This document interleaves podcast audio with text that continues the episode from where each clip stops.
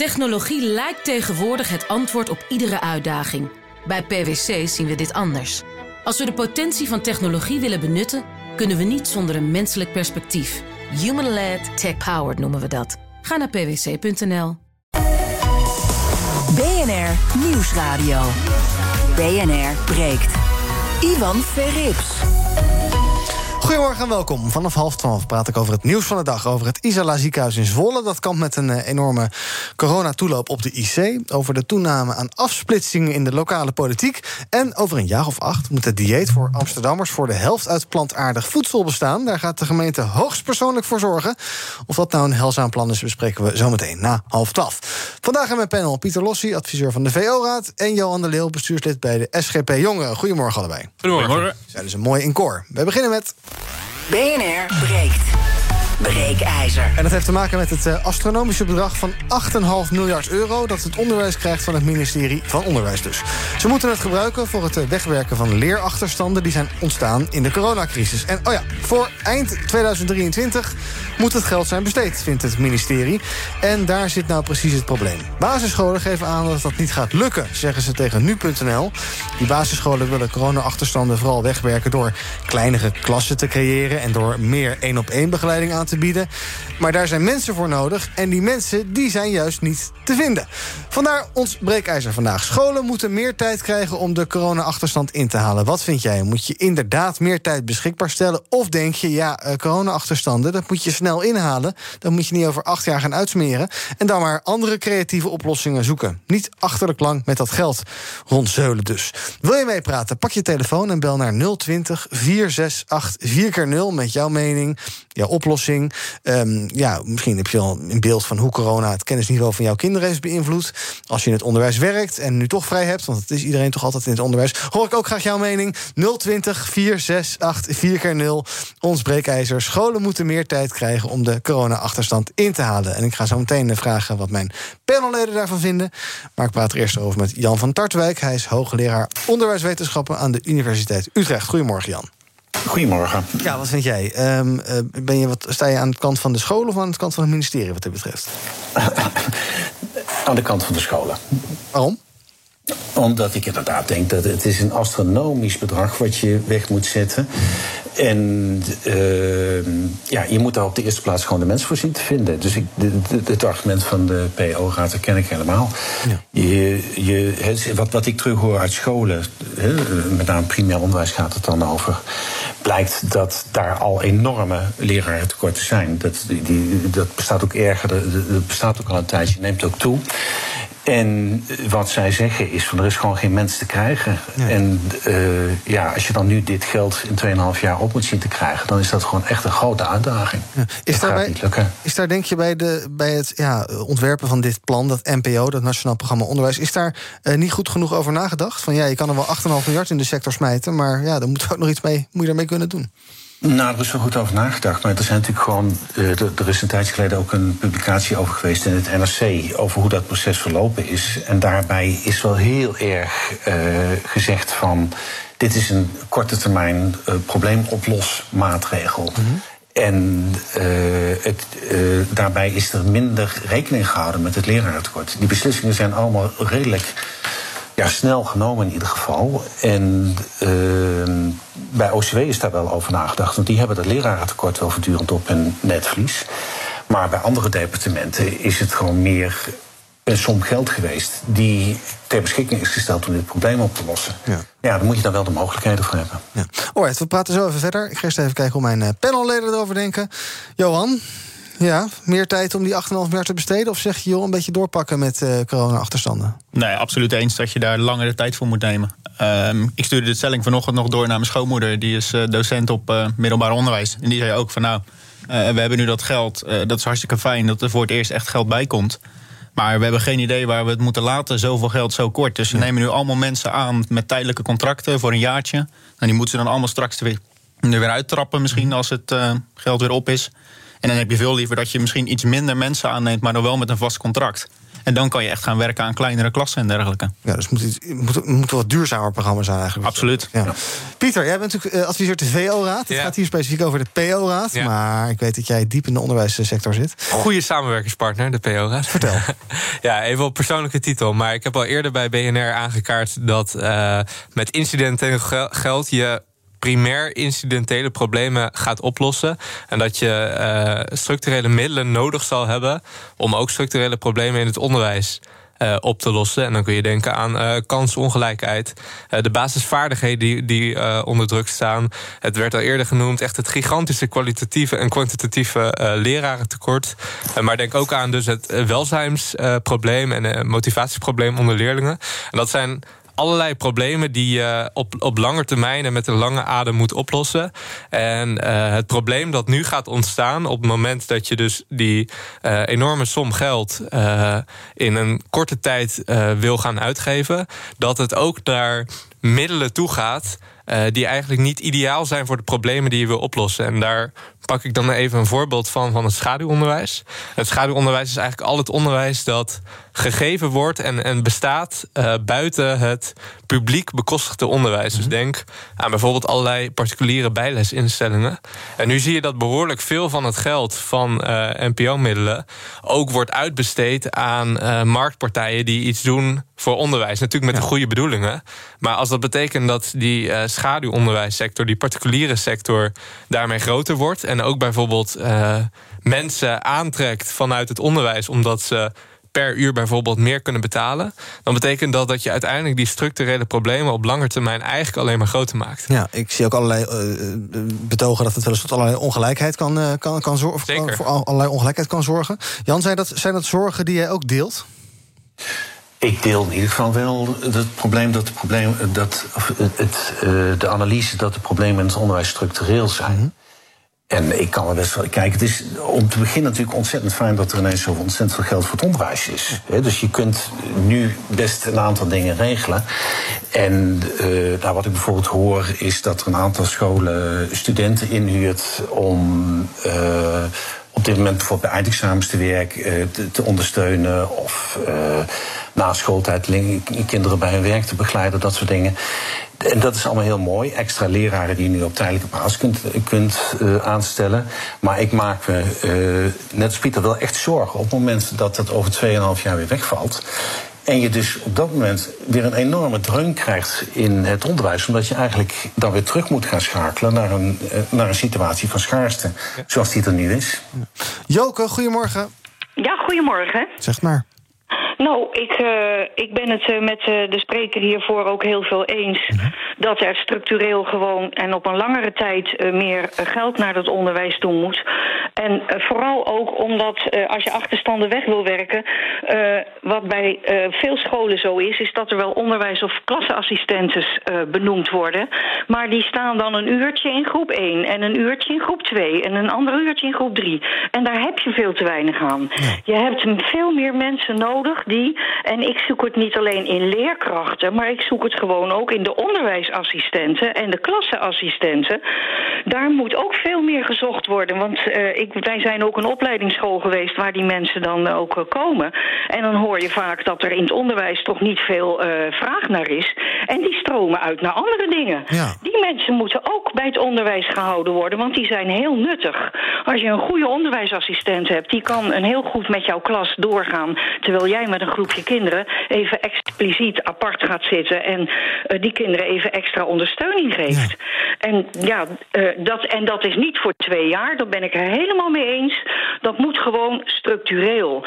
Het is al jarenlang dat de klassen te groot zijn en dat uiteindelijk, ja, voor de meeste kinderen gaat dat dan wel, maar voor de kinderen die extra ondersteuning nodig hebben, dat je die niet voor 100% kan geven als leerkracht wat, je ze eigenlijk, wat ze eigenlijk nodig hebben. En dat zie je en daar probeer je van alles aan te doen en dat lukt gewoon niet. Nee. Je, je komt handen tekort. Ja, wat, wat moet er gebeuren, Johan, aan die onmacht? Joko. Nou, er moeten gewoon veel meer docenten bij. Ja. En op structureel niveau. Ehm, als je kijkt naar bijvoorbeeld een schoonzusje van mij. Die is net begonnen als eh, leraar op een basisschool. Die heeft 2,5 dag per week een klas. Dan is er nog een anderhalve dag dat iemand hem heeft en nog één dag. Dus dat is een klas van een basisschool die drie docenten per week heeft. Plus nog dan die onderwijsassistent die steeds in komt vallen. Ja, die kinderen hebben van alles meegemaakt afgelopen jaar. Eh, misschien wel ouders overleden aan corona. eh, thuis gezeten, baan kwijt van de ouders, noem het allemaal maar op. Die willen gewoon stabiliteit om structureel weer terug te werken naar herstel. En daar heb je gewoon echt voor nodig kleinere klassen met één docent voor de klas. Ja. Pieter, waar komt eigenlijk dat idee vandaan van het ministerie dat dat geld eh, ja, zo snel uitge, uitgetrokken en uitgegeven moet worden? Want ook in de reactie bij dat nu.nl-artikel, het leek allemaal Ja. vrij star. Nou, dat, dat komt denk ik vanuit het idee van eh, publieke verantwoording richting de samenleving. En als ik mijn onderwijspet even afzet, dan zou je natuurlijk Oh, kunnen zit haar onder. Ja. dan zou je natuurlijk eh, kunnen zeggen dat ehm, het onderwijsveld zich niet zo gelegitimeerd zou moeten voelen om al die corona-achterstandsmiddelen te gebruiken voor allerlei andere doelen om dat onderwijs eh, te verbeteren. En ik denk ook dat het ministerie van OCMW het richting de samenleving dit bedrag wil verantwoorden, omdat het in het rijtje past van andere bedragen die ook gerelateerd zijn aan die coronacrisis. Een beetje een bureaucratische reden dus. Ehm, nou, het- heeft denk ik te maken dus met die publieke verantwoording. Eh, maar toch denk ik dat ook die redenering vanuit het ministerie niet helemaal opgaat. Want als je kijkt naar bijvoorbeeld nu een van de eh, meest gekozen interventies, waar het meest vaak voor wordt gekozen wat betreft eh, geldbesteding door eh, het voortgezet onderwijs, dan gaat dat over interventies die te maken hebben met de verbetering van de mentale gesteldheid van eh, jongeren. Nou, eh, veel jongeren hebben natuurlijk in die coronacrisis veel eh, last gehad eh, van die mentale gesteldheid. En ik kan me heel goed voorstellen dat dit iets is wat niet eh, met één eh, schoolreisje naar Duinruil extra, ik zeg maar wat, eh, incidenteel eh, eh, is opgelost voor de komende jaren. Dus je wil ook voor die corona-achterstandsmiddelen en voor het totale welzijn van die doelgroep, eh, als gevolg van die eh, coronapandemie. Zorgen dat je op lange termijn die leerlingen kan monitoren, kan, kan helpen. En ervoor kan zorgen dat uiteindelijk die ontwikkeling weer op gang komt. BNR breekt. Ivan Verrips. Bij Tim en Panel, de stem die net als laatste hoorde. Pieter Lossie, adviseur van de VO-raad. Johan de Leeuw, bestuurslid van de SGP Jongeren. En ook bij hem is Jan van Tartwijk. Hij is hoogleraar onderwijswetenschappen aan de Universiteit Utrecht. En we praten over ons breekijzer. Scholen moeten meer tijd krijgen om de corona-achterstand in te halen. Wil je reageren? Pak nu je telefoon en bel naar 020 468 4x0. Doe dat ook ongeveer nu, want we praten er nog een minuutje of acht over. 020 468 4x0. Jan, eh, Pieter noemde het net al eventjes. Er is een hele, hele menukaart bedacht bij dat NPO. Ik heb hier een soort samenvatting uitgeprint. Met inderdaad, eh, Pieter had het net over de sociaal-emotionele en fysieke ontwikkeling van jongeren. Interventies gericht op het welbevinden van leerlingen. Is dat, is dit, eh, is dat een goed idee, die menukaart en hoe dat ingericht is? Het is een beetje ingewikkeld voor een leek, want metacognitie en zelfregulerend leren. Maar oké, ja. Ja, daar hebben we inderdaad onze eigen digitatie voor ontwikkeld. Maar gelukkig eh, be- verstaan veel mensen in het onderwijs dat ook wel. Die maatregelen die daar zijn opgesomd, dat zijn op zich hele redelijke maatregelen. Dat zijn, die zijn eh, met name geleend van een website in Engeland, van de Education Endowment Foundation. En daar is uitgebreid ge- uitgetest of dat, eh, of dat inderdaad het resultaat heeft dat het beoogt. Dus die maatregelen zijn op zich best oké. Daar zit het probleem niet. Het probleem zit echt in de handen die je nodig hebt, wat al een paar keer genoemd is, om dat uitgevoerd te krijgen. En als je dan allerhande strapatsen uit moet gaan halen nu om eh, het geld op te maken, terwijl je niet de mensen hebt om dat mee te doen. Ja, dan bouw je ook wel een beetje je eigen teleurstelling in. En dat heeft dan natuurlijk ook weer zijn, zijn effect op eh, de sfeer in het onderwijs en op Ja. de aantrekkelijkheid van het beroep van leraar. Ja. Pieter die, eh, maakte zich net zorgen om de, de, de, de huiswerkbureautjes en de bijlesschoolbureautjes en dergelijke. Aan de andere kant, ja, zij voorzien misschien ook in een behoefte als er, als er geen leraren zijn, dan maar bij commerciële partijen aan de deur kloppen. Dat wordt dan inderdaad wel de oplossing, ja. Ja, maar is dat ook deel van de oplossing of zou je dat onwenselijk vinden? Nou, die bureaus doen helemaal niet per se slecht werk hoor. Het is alleen wel zo van, van je, het, het is niet. Je besteedt eigenlijk een deel van je onderwijs uit. Ja. Dus eh, op die manier kun je gaan zeggen van... zijn we dan eigenlijk niet op weg om delen van het onderwijs überhaupt helemaal te privatiseren? Ja. En dan wordt weer de vraag van wie kan dat op termijn allemaal gaan betalen... op het moment dat die NPO-middelen er niet meer zijn in deze mate. Ja, dat is inderdaad ook een, een goede vraag. Eh, meneer Huigens, goedemorgen. Met wie spreekt u? Huigens? Ja, dat bent u, hè? Oh, sorry. Ja, maar nee, ik geeft kon- niet. Ik kon mijn naam niet even goed verstaan. Zeg het maar. Nou, ik denk dat natuurlijk moet er meer tijd en meer tijd en ook meer geld beschikbaar komen. Mhm. Want iemand die naar de Pabo gaat, staat morgen niet voor de klas. Dus er zit, de eerste plaats zit er al een hoop tijd tussen voordat ze ingewerkt zijn. Mhm. En in de tweede plaats, eh, ik hoor van mijn eigen gezinsleden, eh nichtjes, eh, het is niet zo leuk meer ook hoor, de klas Oh, om voor de klas te staan. En waarom niet? Want tegenwoordig is, zijn de ouders natuurlijk ook veel korter voor de kar. En dan gaan ze naar school toe van, wat heeft mijn kind gedaan? ja. En dan komen ze voor allemaal meisjes te staan in de klas. Dus het onderwijs is ook doorgeschoten in de richting van de vrouwen. Dus er moeten meer mannen komen. Dus nou ja, ik, ik heb in mijn familie geen mensen die zeggen... nou, ik wil, eh, ik wil de klas, voor de klas komen te staan. Ik heb er nu alleen, maar voor de laatste, voor de toekomst niet. En de andere kant is, het zou universitair opgeleid moeten worden. Dat is ook prima. Ja, dat maar wie, gebeuren wie geloof van de dames kan het halen? Ja, nou ja. eh, dat, dat werkt allemaal een beetje tegen. Dus de, het zit veel dieper als dat we denken. Oh, dat wel een zorgelijke analyse, meneer Huygens. Ja, ja, sorry. Ja. Jan, zit er wat in wat de meneer Huygens zegt? Nou, het, eh, het, is, het beroep is eh, wel gefeminiseerd, maar ik denk dat het probleem niet zozeer de mondige ouders is. Dat, dat speelt ook wel een rol. Maar ook daar is weer eigenlijk gewoon te weinig leraren. En wij van de universiteit zijn ook echt aan het proberen om meer van onze studenten richting het leraarschap te krijgen. Zowel jongens als meisjes overigens. Eh, en daar moeten we gewoon samen optrekken met de hogescholen. Dus daar zit het probleem niet. Eh, het helpt wel als mensen natuurlijk ook een universitaire achtergrond hebben, zodat je wat meer gemengde teams kunt krijgen. Maar het grote probleem voor leraren in het, eh, met name het basisonderwijs, waar deze meneer het over had, is dat ze natuurlijk doordat het tekort van leraren zo groot is, er eigenlijk ontzettend weinig tijd is om je onderwijs goed voor te bereiden. Er zit ontzettend weinig rust in de baan van leraar. Leraren in Nederland, zeker, zeker in het primair voortgezet onderwijs, zijn de leraren die internationaal gezien de meeste uren voor de klas staan. En op het moment dat het tekort terugkomt, zit er eigenlijk totaal geen moment meer in waarop je even afstand kunt nemen, even je, al je leerlingen goed in kaart kunt brengen, even je lessen voor morgen goed kunt voorbereiden. En dat, dat maakt dat eh, mensen ook af en toe merken ja, dat de kwaliteit daaronder leidt. Ja. Ik geloof dat, eh, ik las in Trouw dat het ministerie van OCW eh, schat dat het volgend jaar het lerarentekort in het basisonderwijs op 4000 FTE eh, zit.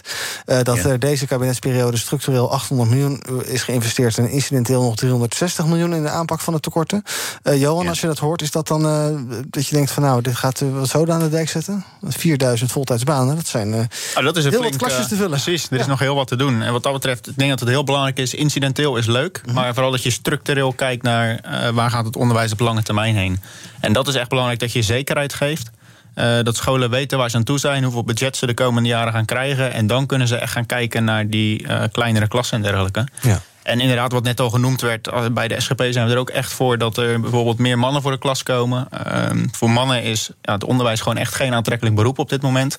Komt onder andere doordat je op de PABO ook voor de kleuterklasse moet staan. En uit onderzoek blijkt dat eh, mannen vooral de bovenbouw leuk vinden, maar niet zo eh, graag de kleuterschool doen. Ja. Dus daar zou je misschien naar kunnen kijken. En ook gewoon structureel naar die lerarensalarissen. hè. Ja. Het moet ook gewoon financieel aantrekkelijk zijn om docent te worden. Ja. Mag je dat trouwens uit dit pakket betalen, eventueel hogere lonen, Jan? Dat weet ik eerlijk gezegd niet zeker. Weet jij dat, Pieter? Nou, dat is volgens mij eh, geen interventie eh, uit, uit die kaart. Het kan natuurlijk wel zijn om bepaalde goede mensen aan te trekken. Eh, maar dat is niet een van de oplossingen die gepusht wordt vanuit het ministerie. Nee. Hebben jullie zicht op hoe de resultaten van dit programma in de gaten wordt gehouden? Want we zeiden al, het gaat om een enorme smak geld. Het gaat om iets wat misschien ook een beetje ongrijpbaar is. Ja, achterstanden opgelopen tijdens de coronapandemie. Dat is niet iets heel meetbaars, denk ik. Klopt. Hoe, hoe, wordt dit gemonitord, Jan? Nou, voor het primair onderwijs is dat redelijk goed mogelijk, omdat daar eh, vrij breed gebruik maakt voor, eh, van uh, leerlingvollersystemen. Dus dan heb je in ieder geval wat dan heet de cognitieve leeropbrengst, dus zeg maar wat leerlingen scoren op toetsen. Daar heb je, daar heb je wel redelijk grip op. In het voortgezet onderwijs is dat minder ver uh, uitgerold, dergelijke systemen. Maar daar zijn ook wel op het niveau van, van scholen, schoolbesturen, zijn daar ook wel mogelijkheden voor. Ja. Dus als het daarover gaat, dat krijg je wel goed in beeld. De, zeg maar meer de, de sociaal-emotionele achterstanden, dus kinderen die gewoon echt in hun sociale ontwikkeling geremd zijn omdat ze ja, gewoon, gewoon anderhalf jaar niet naar school zijn geweest. Dat is lastiger te meten, maar ook daar uh, worden wel onderzoeken naar gedaan... door gewoon meer op scholen te gaan praten met, met leraren... en ook met leerlingen en hun ouders. Ja. Pieter, tot slot, ik, uh, als ik dit zo hoor, dan denk ik... nou, dat kan niet anders dan dat die scholen uiteindelijk meer tijd gaan krijgen... want dat slaat ook nergens op om dit er doorheen te gaan drammen. Hm. Uh, dat, dat binnen anderhalf jaar heeft al het geld uitgegeven moet worden. Ja, dat is iets wat in verwachting hm. zou liggen. het is deels afhankelijk van ook mogelijke nieuwe minister. Mm -hmm. begin 2022 wordt nou, gekeken naar de toekomst en bepaalt of die middelen verder uitgespreid mogen worden. En dan is nog de vraag of minister Slop nog op zijn post zit of ja. dat daar een nieuw iemand zit. feit is wel dat als je inderdaad dit alleen maar in 2,5 jaar qua tijdsbestek zou houden, dat heel veel scholen ook de, het bedrag dat ze hebben gekregen niet op zullen maken. Dat dan een deel van dat geld terechtkomt bij de schoolbesturen, mm -hmm. waardoor hun reserves groter worden. Terwijl mm -hmm. juist nu de politiek ook opdracht heeft gegeven om die reserves uh, te verkleinen. Uh, dus dat lijkt me onwenselijk. En dus lijkt het me bijna dat, dat een noodzakelijke uitkomst hiervan is. natuurlijk mede naar aanleiding van de oproep van de PO-raad. En ook de VO-raad heeft hier eerder al voor opgeroepen. Dat inderdaad dat tijdsbestek wordt uitgebreid. Weet jij wat metacognitie en zelfregulerend leren is? nou, dat zit meer op de didactiek. Ja, dat, uh, ik heb wel een idee, maar uh, laat ik daar niet aan beginnen. Oké. Okay. Dankjewel Jan van Tartwijk, hoogleraar onderwijswetenschappen aan de Universiteit Utrecht. En zometeen dan praat ik verder met Johan en Pieter. En dan hebben we het over het nieuws van de dag. Over het Isala ziekenhuis in eh, Zwolle. Zij kampen met een toestroom aan coronapatiënten. Oh nee toch. Oh, over Amsterdam. Uh, die stad wil dat inwoners straks veel gezonder gaan eten. En gaan het ook een beetje pushen. En we hebben het over de veiligheid van de Britse parlementariërs. Zometeen in het tweede deel van BNR Break. Tot zo. Eneco Klimaatreport van deze week komt uit Amsterdam. Ik ben Pascal en ik sta hier met de oprichter van Wikkelhuis op de werkplaats. Oep, wat zie ik hier? Ja, je ziet allemaal huisjes. En welke rol speelt energie-efficiëntie in jullie ontwerp- en bouwproces? We bouwen alleen maar met hernieuwbare materialen. Maar het leukste is dat we eigenlijk uh, zonne-energie gebruiken voor onze elektriciteit. We hebben duizend zonnepanelen op ons dak van de werkplaats. Duizend zonnepanelen, dat zijn er een hoop. Ik kan me voorstellen dat er veel stroom vanaf komt. Ja, er komt een enorme bak met stroom uit. En soms in de zomer is dat ook te veel. En daarom werken we samen met uh, Eneco, met het uh, opwek optimaal systeem. En wat doet dat systeem? Een soort dimmer. Dat als er te veel stroom is, dat je dat zeg maar wat terug reguleert, zodat er geen netcongestie ontstaat. Want dan zou alles vastlopen. Uh, juist de balans op het energienetwerk. Ja, precies. En zo werkt Wikkelhuis samen met Eneco aan klimaatambities. Is het ook iets voor jouw bedrijf? Check dan eneco.nl slash klimaatambities. BNR Nieuwsradio. BNR breekt. Ivan Verrips. Welkom terug. In mijn panel vandaag Johan de Leeuw, bestuurslid van de SGP Jongeren... en Pieter Lossi, adviseur van de VO-raad. En we bespreken in het tweede half uur van BNR Breekt altijd het nieuws van de dag. Een van de nieuwsberichten gaat over uh, ophef in ziekenhuisland... want het Isala ziekenhuis in Zwolle heeft 20 patiënten... die op de wachtlijst stonden voor een inhaaloperatie afgebeld. Het ziekenhuis kreeg steeds meer mensen over de vloer met corona, acute zorg en verloskunde. En zag zich dus genoodzaakt om drie coronapatiënten ook nog eens naar Rotterdam te brengen. Luister even mee naar Jorik Blijenberg van de podcast Signaalwaarde. Dat is een podcast over coronastatistiek. Die had de stijgende trend van coronabesmettingen wel zien aankomen. Op de persconferentie van de 25e zei Hugo de Jonge van dat hij eigenlijk verwachtte dat de cijfers, opnamecijfers wat zouden dalen. Uh, dat is inderdaad toen nog uh, gebeurd. Uh, maar dankzij de versoepelingen en het, uh, en het najaar en de toch wat uh, achterblijvende vaccinatiegraad zien we nu inderdaad weer de cijfers stijgen. Ja, Johan, baart het je nou zorgen? Of denk je van, nou, dit is een incidentje... en dan moeten we niet direct op onze achterste benen gaan staan? Het baart me vooral zorgen dat de overheid niet geacteerd heeft. Kijk, uh, we zagen dit wel aankomen. Het wordt weer najaar, het griepseizoen. Veel mensen zijn verkouden. Uh, dus dat ook corona weer ging stijgen, ja, die zagen we wel aankomen. Mm -hmm. Maar dat je ziet dat we nu al bijna twee jaar in corona zitten... en dat de, stru de structurele IC-capaciteit maar niet verhoogd wordt... dat is wel echt iets waar ik denk van, kom op. Uh, deze zag je toch wel aankomen? Ja, want dan hadden we dit bericht niet gehad... als er meer ruimte was geweest in de ziekenhuizen. Nee, precies. Als je kijkt, als je vergelijkt van hoe het in Nederland... hoeveel bedden er per uh, inwoner zijn op de IC... en bijvoorbeeld met Duitsland of andere Europese landen... is Nederland gewoon echt heel laag. Mm. We hebben gewoon nauwelijks ruimte om te groeien. Uh, en dan denk ik wel van ja, je had twee jaar geleden al kunnen beginnen met het opleiden van extra verpleegkundigen en noem het maar op. Of wat dacht je van het verhogen van de zorgsalarissen, zodat mensen überhaupt willen blijven werken? Ja. Dat is allemaal niet gebeurd. En dan denk ik wel van ja, we lopen weer achter de feiten aan. Ja. Pieter, ik zie er ook wel berichten langzamerhand die zeggen: ja, goh, het najaarseffect. Uh, uh, het ziet er toch niet heel positief uit. Het uh, vaccinatiegraad is nog eigenlijk iets lager dan Ja. ze in Den Haag zouden willen. Nou, misschien moeten we toch maar eens gaan kijken naar toch wat maatregelen weer een beetje aanhalen. Ik denk dat niemand daarop zit te wachten. Mm, Maar is dat wel nodig, denk je? Nou, hier zou je eventueel kunnen overwegen, in het uiterste geval, om eh, regionaal te gaan kijken of je eh, dingen zou moeten verscherpen of niet. Ik zou er niet voor pleiten, maar dat zou kunnen. Want wat je hier ziet, is dat bijvoorbeeld in dit ziekenhuis 50% van de patiënten komt uit Staphorst. Eh, we weten dat ongevaccineerde mensen. Wat uiteraard een goed recht is, maar wel een grotere kans hebben om in het ziekenhuis terecht te komen. Nu zijn er dus eh gedeeltes in Nederland gebieden, eh, zoals regio Zolle, waarin die vaccinatiegraad inderdaad lager is. Volgens mij is het dan een prima oplossing om te zeggen: oké, we hebben hier niet voldoende ziekenhuiscapaciteit, dus we gaan nationaal wat verspreiden. Omdat volgens mij die nationale capaciteit met de huidige coronasituatie nog steeds wel toereikend is. Ja. Dus ik zou vooral zeggen: laten we nu niet eh, moord en brand schreeuwen, maar eh, zo optimaal mogelijk gebruik maken van die verspreiding die mogelijk is. Ja, en om Staphorst, dan eh, is eh, de eerste wat me- mensen dan gelijk denken... de Bijbelbelt. Eh, de gemeente waar het aantal besmettingen flink stijgt... komt door de lage vaccinatiegraad daar. Bart, Bart het jou zorgen, Johan, dat mensen zich daar blijkbaar niet laten vaccineren?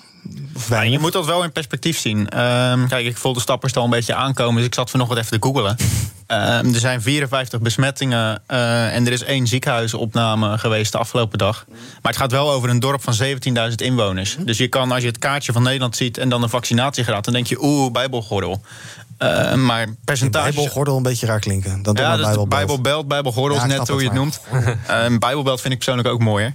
Eh, maar wat je dan ziet is van nou, die vaccinatiegraad daar is lager. Maar als je dan gaat kijken naar de aantallen, valt Mhm. het eigenlijk best mee. Staphorst is een dorp met 17.000 inwoners. Eh, terwijl als je dan ziet van bijvoorbeeld in Rotterdam-Zuid... eh, is de vaccinatiegraad van Rotterdam misschien iets hoger. Maar het totaal aantal ongevaccineerde mensen in die regio... is gewoon veel groter. Absoluut aantallen, ja. Precies. Ja, Eh, maar dan alsnog, eh, eh, als het gaat om, om zo'n gemeente als Staphorst... zou je daar als overheid meer campagnes moeten voeren... om mensen te stimuleren om eh, nou, toch maar die prik te halen? Of zeg je van nou... Ah, kijk, sti- stimuleren kan natuurlijk Mhm. altijd. Eh, je moet gewoon goed uitleggen hoe het vaccin werkt. Noem het allemaal maar op. Zorgen dat je daar eh, gekke theorieën uit de lucht haalt. Maar wat wel belangrijk is, dat je niet jezelf gaat opdringen. Want vaak werkt dat bij de Nederlandse volksmentaliteit gewoon averechts. Ja. En in die zin vind ik de QR-code ook gewoon een slechte maatregel. Mensen schieten in het harnas. Eh, ehm, en dan krijg je alleen maar nog meer wantrouwen tegen de overheid. En je gaat er echt de vaccinatiegraad niet meer opkrikken. Alright. Ehm, en, en, en, als het nodig is verder, dan zeg je ook ja, meer spreiden over het land waar dat kan. Ja, absoluut. Kijk, eh, regionale maatregelen, dat gaat dan nu specifiek... zou dat bijvoorbeeld voor de Bijbelbelt gaan gelden als je dat invoert. Ehm, ja, we hebben al genoeg tweedeling in de samenleving. En dan zet je die mensen nog meer weg, lijkt me niet verstandig. We gaan naar lokale politiek. Iemand hier nog ambities om een keer raadslid te worden? Of, eh, Nou, we zijn nu bij ons bij de lokale SGP bezig met eh, de lijst samenstellen. Ja. En we hebben als SGP Jongeren ook nog een brief gestuurd... eh, naar alle lokale afdelingen van jongens...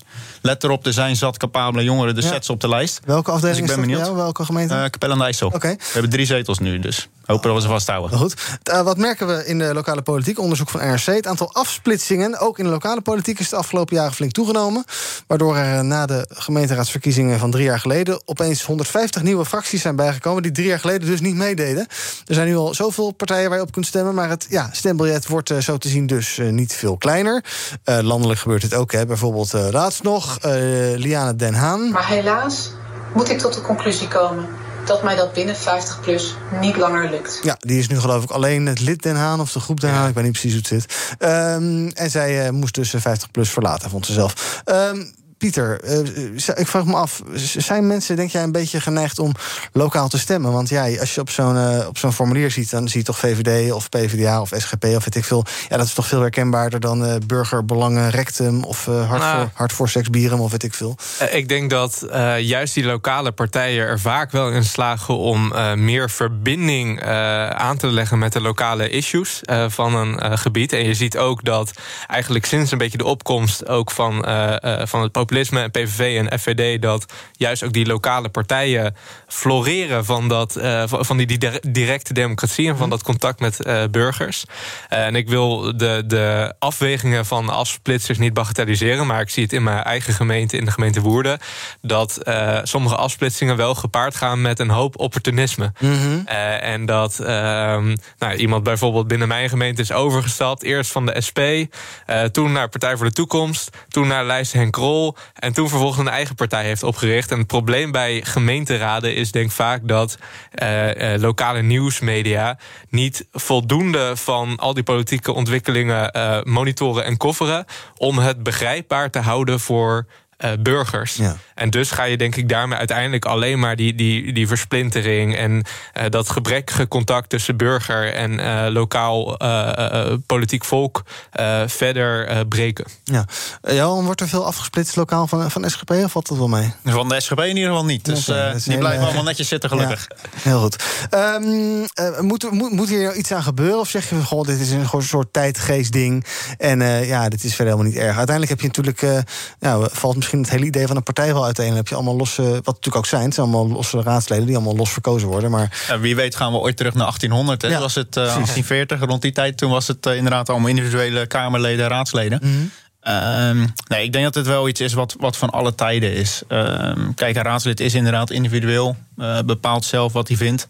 En op lokaal niveau heb je gewoon heel vaak losse issues en ben je als raadslid heel benaderbaar. Mm -hmm. Dus een raadslid is ook gewoon heel gevoelig voor druk vanuit een deel van de, van de bevolking van zijn woonplaats. Van, uh, nou stel, je zit als lokale partij in een coalitie, je hebt gouden, gouden eieren beloofd tijdens ja. de campagne. En dan kan je dat toch niet helemaal waarmaken. En jouw kiezers komen achter je aan van hé, hey, dit had je beloofd. Uh, ja, dan is de druk voor een lokaal raadslid misschien wat groter om dan zijn eigen lijn te trekken. Ja. Ben je beschikbaar voor de lijst in Capelle?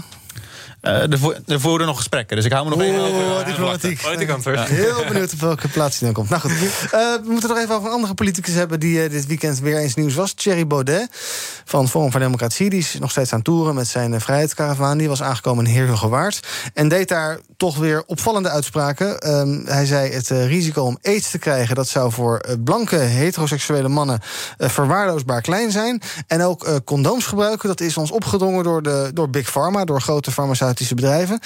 Uh, hele opmerkelijke uitspraken waarvan je ook kan denken van... goh, wat heeft dat met uh, politiek te maken? Maar oké. Umberto Tan die had daar gisteravond in zijn talkshow uh, wel een mening over. Zoals zoveel mannen en vrouwen die zijn overleden aan aids. Maar Baudet vindt het nodig om al dat leed te bagatelliseren... en te overgieten met een racistisch, homofoob sausje. En dat in het weekend dat het betaalde voetbal... de regenboogfamilie omarmd heeft en zichtbaar steunt. Baudet bedankt. Ja, dat was sarcastisch uiteraard. Um, Pieter, uh, Thierry Baudet, um, die leeft in een soort eigen parallele ja. wereld... waar dit relevante teksten zijn of zo. Wat, wat gebeurt hier? Wat is jouw analyse hiervan? Ja, uh, blijkbaar. Nou, wat, wat typisch is voor Baudet... is dat Baudet natuurlijk niet alleen een politieke beweging uh, start... maar ook een culturele beweging. Dat zie je natuurlijk omdat hij dingen vindt van muziek... Uh, promoot hij architectuur, zijn eigen digitale valuta. Um, en daarbij kiest Baudet voor een manier van politiek bedrijven... waarin hij eigenlijk op het belang van de zwakste trapt... ter promotie van het recht van de sterkste. Uh, dat is zijn goed recht, maar ik vind dat uh, zelf uh, walgelijke en destructieve politiek. En ik hoop, ja, net zoals Umberto ook aangaf, dat voldoende mensen dat met mij vinden. Johan, wat is jouw analyse? Wat, um, ja. ja, wat, wat moet ik ervan zeggen? We hebben het al zo vaak gehoord. en nou zijn het homo's de vorige keer waren het slachtoffers van de holocaust. Ehm, ben er een beetje op uitgekeken. Ja, ik zou zeggen, in deze relatie van nou gaan we even lekker het SGP-punt erin gooien. Van uh, als je in een monogame relatie van één man en één vrouw heb je ook geen condoom nodig. Laten we dat eens afsluiten doen. Of, of één man en een man, of een vrouw en een vrouw. Daar kunnen de meningen over verschillen. Juist. Daar gaan we een andere keer verder praten. BNR breekt. Ja, Thomas. Je komt op een interessant moment binnen. Nou, ik ga het um, gewoon lekker over mijn eigen programma ja, hebben. dat lijkt me wel verstandig, ja. Jullie gingen hier op een volgend moment over doorpraten. Ja. Dus uh, dat wachten we Zonder jou dan, denk ik toch, ja, ja. Nou ja, ik ben altijd uh, bereid, om bereid om mee te luisteren, hoor. Of het oh. gesprek in goede banen te leiden. Ja, precies. Hey, zometeen 12 uur zaken doen. Uh, wie heb je te gast? Ja, Sjoerd van der Malen. Hij is de oprichter van Specialisterren. Dat is een IT-bedrijf dat met name richt, uh, dat met name werkt met mensen die uh, autisme hebben. Dat zie je natuurlijk wel vaker. Dat um, mensen met een stoornis in het autistische spectrum terechtkomen in IT-banen. zijn bedrijf heeft inmiddels een deel van het bedrijf ook verkocht aan een Noors bedrijf. Er werken nu 50 mensen met autisme. De doelstelling is om daar duizend van te maken. En waarom lukt het daar wel en op heel veel andere plekken niet? Dat is een belangrijk uh, onderwerp van gesprek zometeen. Uh, wij schakelen aan het begin van het programma met uh, de rechtbank... waar verslaggever Kees Dorrestein staat... om het proces rondom de moord op Peter R. de Vries te volgen. Het economenpanel is er nou, dat zit bomvol met de nieuwste maatregelen... om die energierekening een beetje onder controle te krijgen. Het inflatiespook mhm. uiteraard. De kritiek op het Wopke Wiebesfonds. ja, de stemming zit er hier al goed in. Het is één groot spookhuis, deze studio mhm. geworden. Um, dat zal zo blijven, tussen 12 en 2. Wordt het nog schrikken bij jou of niet? Ja, dat wordt schrikken geblazen. Zometeen om 12 uur zaken doen met Thomas. BNR breekt. We gaan nog wat je eigen nieuws doen. Kijken wat jullie opviel in de media vandaag en de afgelopen dagen. We beginnen even bij Johan. Uh, waar wil jij het over hebben? Ja, er was vanochtend in het nieuws dat, uh, dat er een extra raadsvergadering komt bij de gemeente waar Ter Apel bij hoort vanwege de problemen met de asielzoekers daar. Mhm. uh, je ziet dat we hebben natuurlijk een hele instroom aan Afghaanse vluchtelingen gehad. naar aanleiding van de terugtrekking uit Afghanistan. Um, ja, en nu eh, leidt dat weer tot krapte daar, dat ze geen bedden hebben en dat er uitgeweken wordt naar andere gemeenten. Uh, we hebben dat eerder ook al gezien met onrust in de Harskamp, waar plotseling vluchtelingen opgevangen moesten worden. En wat de onderliggende reden daarvan is, is wat je ziet, is dat heel veel mensen die in principe hier niet mogen blijven, mm veilige landers noemen ze dat, mensen die uitgeprocedeerd zijn, dat die gewoon blijven hangen in die opvangcentra en daar de, de plekken van echte vluchtelingen innemen. Um, en dat is wel iets waarvan ik me zorgen maak van, we roepen al tien jaar of zo dat die asielprocedures korter moeten. En dat mensen die hier niet mogen blijven, gewoon echt terug moeten. En, en ja, die blijven hier maar hangen. En daardoor ondermijn je wel het draagvlak voor het vluchtelingenbeleid. Ja. Gemeente Westerwolde is dat, geloof ik, hè? Klopt, ja. Uh, die zijn, uh, de gemeenteraad is daar boos, omdat inderdaad... Uh, ja, er zijn meer mensen eigenlijk dan, dan beloofd was. ja, wat, kan, wat kan de gemeente daaraan doen? kan niet die mensen de, de gemeentegrens overtrappen en succes, succes ermee. Nee, klopt. Maar ja, je ziet wel dat er uh, onder de burgers gewoon onrust bestaat. Mhm. Kijk, de bushalte van Ter Apel is echt wel een begrip in het medialand... van dat daar regelmatig uh, onrust is. Uh, en dit heeft wel ook weer gevolgen voor de landelijke politiek, boze burgers. En dat moet je gewoon niet willen. Mm. dus ik roep wel de landelijke politiek op hierbij... om gewoon van jongens, maak die asielprocedures korter. trap de mensen die niet hier mogen blijven het land uit... zodat er plek blijft voor de mensen die echte vluchtelingen zijn... en die echt onze hulp nodig hebben weet of we niet over moeten spreken over werkwoorden als eh, het land uittrappen. Dus ik deed net zelf ook hoor, de, gemeentegrens over, maar uh, in overdrachtelijke zin. Um, Pieter, uh, goed idee om veilige landers makkelijker uit te zetten, sneller uit te zetten, zodat mensen die echt uh, onze veiligheid nodig hebben, dat daar meer ruimte voor is? Ja, feit is dat er uh, internationaal afgesproken definities zijn over wat een vluchteling is en wat niet een vluchteling is.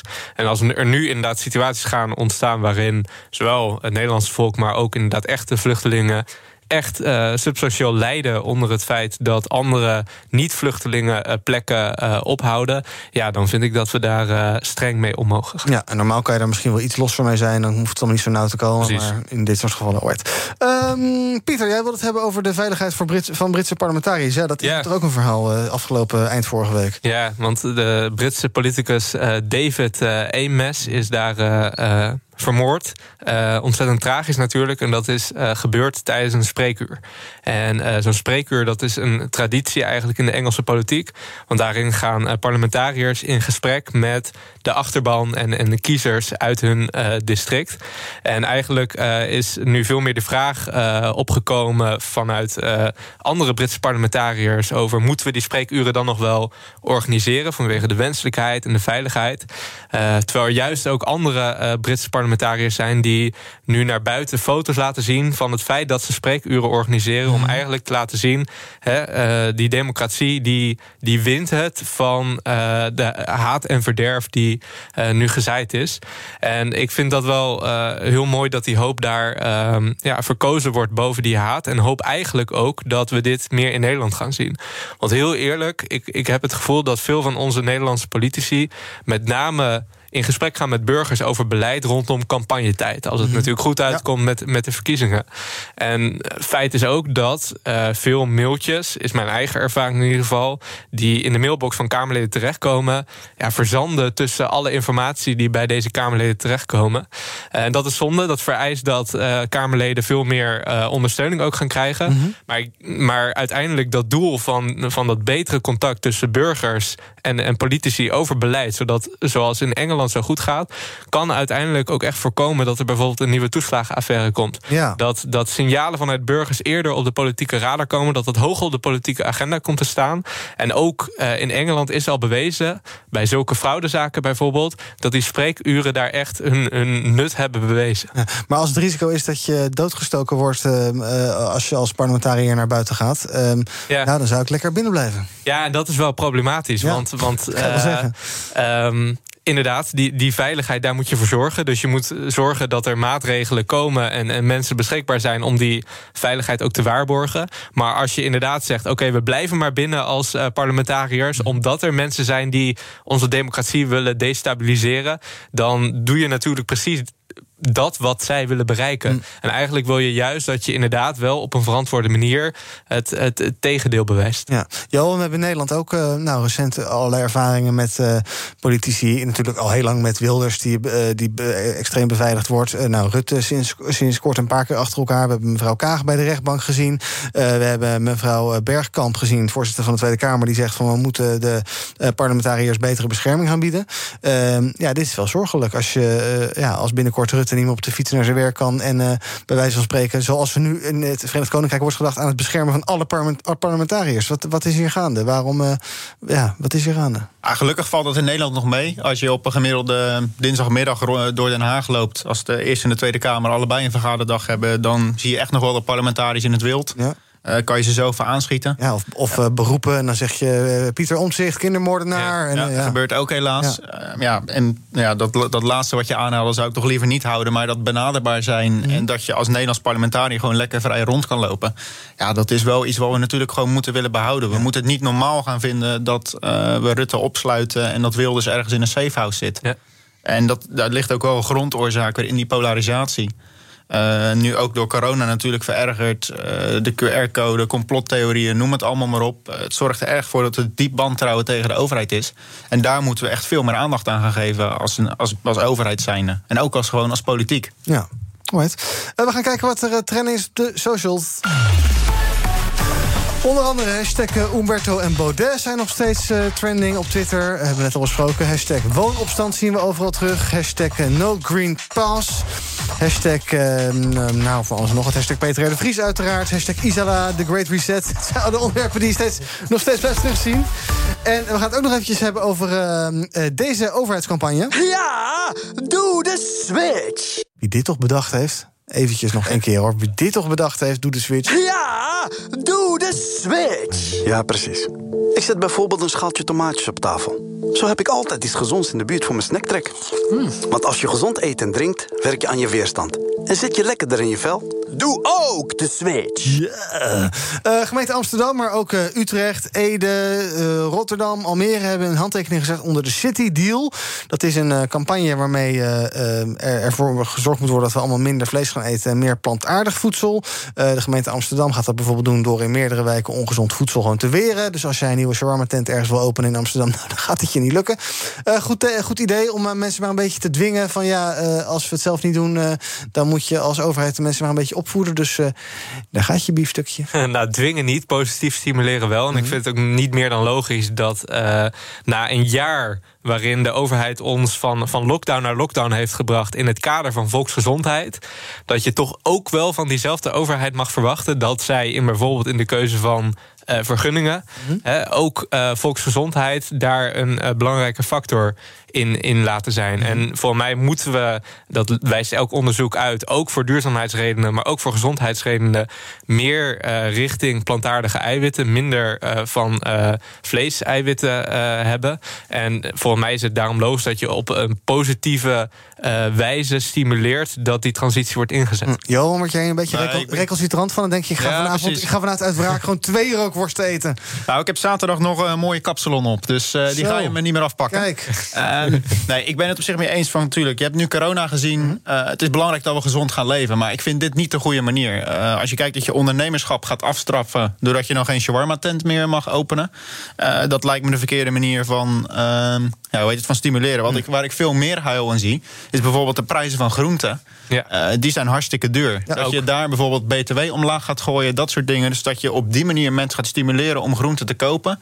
In plaats van het afkappen van mensen die gewoon lekker hun werk doen en lekker ondernemer willen zijn in de shawarma-tent. Ja.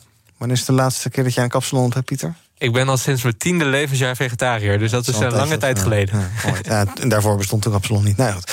Alright, dank jullie wel vandaag eh, voor jullie aanwezigheid bij BNR Breekt. Eh, Pieter Lossi, adviseur van de VO-raad en sinds de tiende vegetariër. en Johan de Leeuw, bestuurslid van de SGP Jongeren. En die heeft onlangs nog een kapsalon op. Morgen ben ik er weer. Tot die tijd kun je ons volgen via de socials. Ik heb nu wel trek trouwens. Eh zo meteen even lunchen. Eh, Twitter, Instagram, YouTube, dat soort zaken. En eh, morgen zijn we er dus gewoon weer om 12 uur of om 11 uur met BNR Breekt. En zometeen is hier Thomas met Zaken doen. Tot morgen.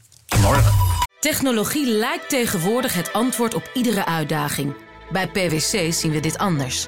Als we de potentie van technologie willen benutten, kunnen we niet zonder een menselijk perspectief. Human-led, tech-powered noemen we dat. Ga naar pwc.nl.